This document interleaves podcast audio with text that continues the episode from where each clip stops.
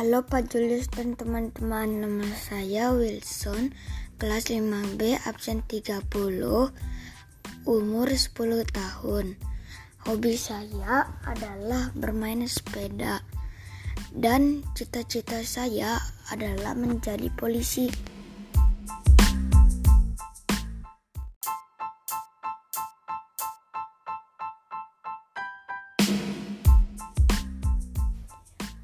Halo Pak Julius dan teman-teman, perkenalkan nama saya Wilson, kelas 5B, absen 30. Sekarang saya akan membaca dongeng berjudul Kisah Monyet dan Tukang Kayu. Seekor monyet memperhatikan seorang tukang kayu yang dapat membelah sebatang kayu dengan dua buah baji. Pertama-tama tukang kayu menyisipkan baji yang kecil ke dalam celah kayu untuk menjaga celah itu tidak tertutup.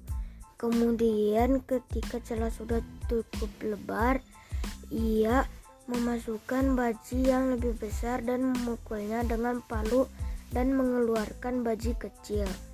Tengah hari tiba, tukang kayu pulang ke rumahnya untuk makan siang monyet ingin mencoba membelah kayu. Ketika ia duduk di bangku tukang kayu, tanpa disadari ekornya yang panjang masuk ke dalam celah kayu. Ia memasukkan baji kecil ke dalam celah kayu seperti yang tadi dilakukan tukang kayu. Namun ia lupa memasukkan baji besar sebelum mencabut baji kecil. Kedua belahan kayu menutup dan menjepit ekor monyet. Monyet bi hanya bisa mengerang kesakitan hingga tukang kayu kembali. Tukang kayu memukulnya dan memarahinya. Ia mengatakan bahwa monyet dapat ganjaran yang sepantasnya karena mencampuri urusan orang lain. Baru setelah itu ia membebaskan sang monyet dari jepitan kayu. Sekian, terima kasih.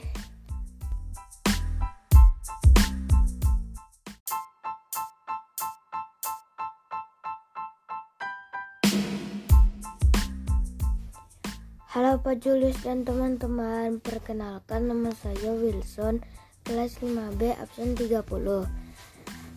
Sekarang saya akan membaca dongeng berjudul Kisah Monyet dan Tukang Kayu.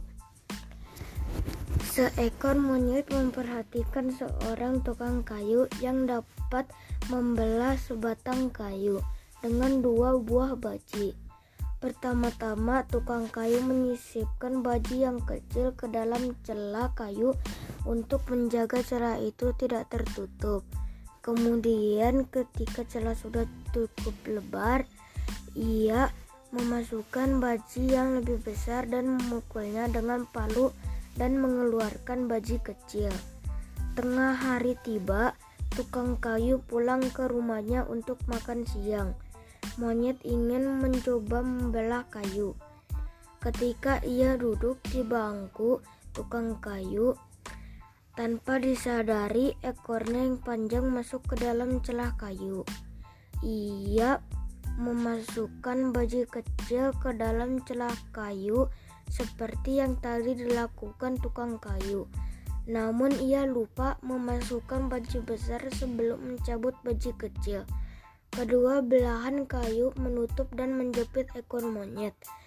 Monyet bi hanya bisa mengerang kesakitan hingga tukang kayu kembali. Tukang kayu memukulnya dan memarahinya.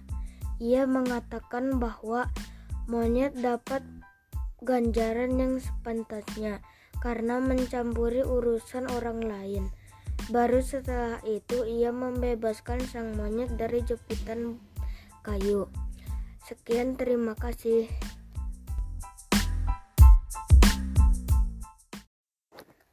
Halo petulis dan teman-teman, perkenalkan nama saya Wilson kelas 5B absen 30. Sekarang saya akan membaca dongeng Judulnya Kisah Monyet dan Tukang Kayu. Seekor monyet memperhatikan seer, seorang tukang kayu yang dapat membelah sebatang kayu dengan dua buah baji. Pertama-tama tukang kayu menyisipkan baji yang kecil ke dalam celah kayu untuk menjaga celah itu tidak tertutup. Kemudian ketika celah sudah cukup lebar, ia memasukkan baji yang lebih besar dan memukulnya dengan palu dan mengeluarkan baji kecil. Tengah hari tiba, tukang kayu pulang ke rumahnya untuk makan siang. Monyet ingin mencoba membelah kayu.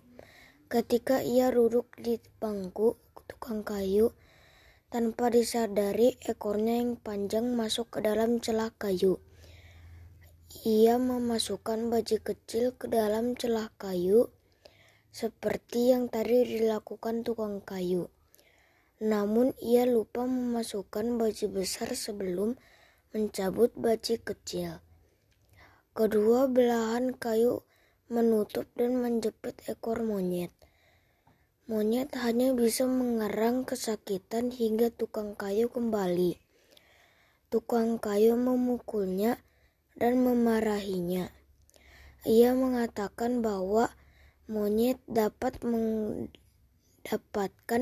ganjaran yang sepantasnya karena mencampuri urusan orang lain.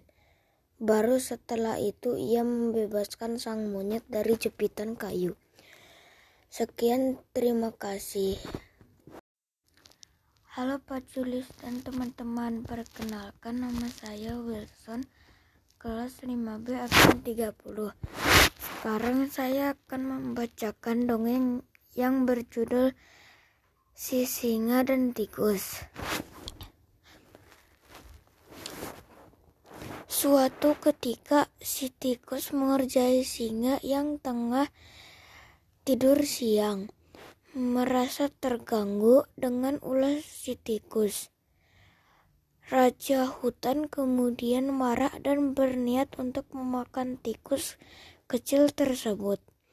Tentu saja ini membuat sang tikus merasa ketakutan dan menangis meminta ampun.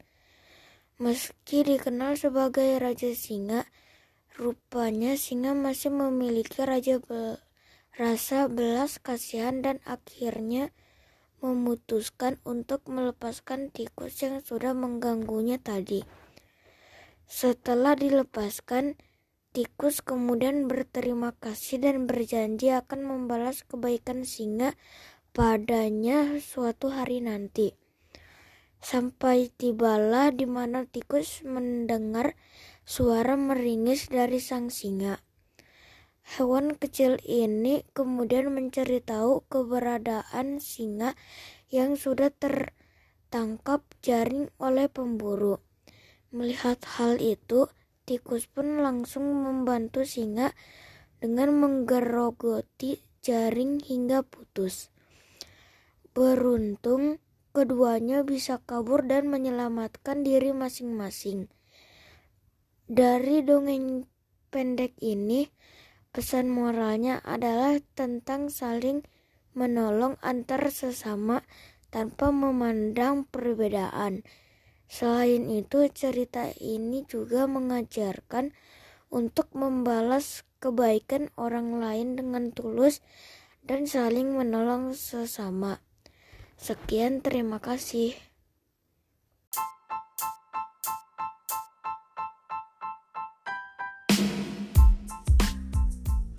Lausi Ninhao Wilson 1 Wancing gancing.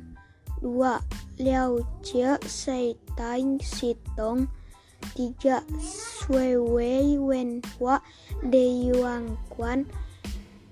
Empat Angkuan heping de Wancing lima Sairai leyu se sengtai sitong si Jan Chuing Xiao Ji xu He liat Hiao Guang si Xie Xie Lao Xie Sai Jian.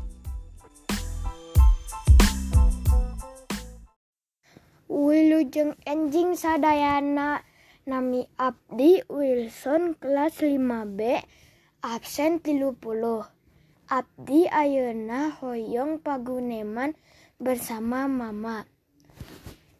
wilujeng enjing Mama ekosistem aya naon wae? Ekosistem dibagi jadi dua. Nyaeta ekosistem alam jeung jieunan. Naon anu aya dina ekosistem mah? Anu aya dina hiji ekosistem nyaeta lingkungan. Biotik jeung abiotik jeung aya oge tilu rupa ekosistem nyaeta ekosistem cai, darat, jeung jieunan. Oh, kitunya. Iya, Hatur nuhun Mama. sami-sami.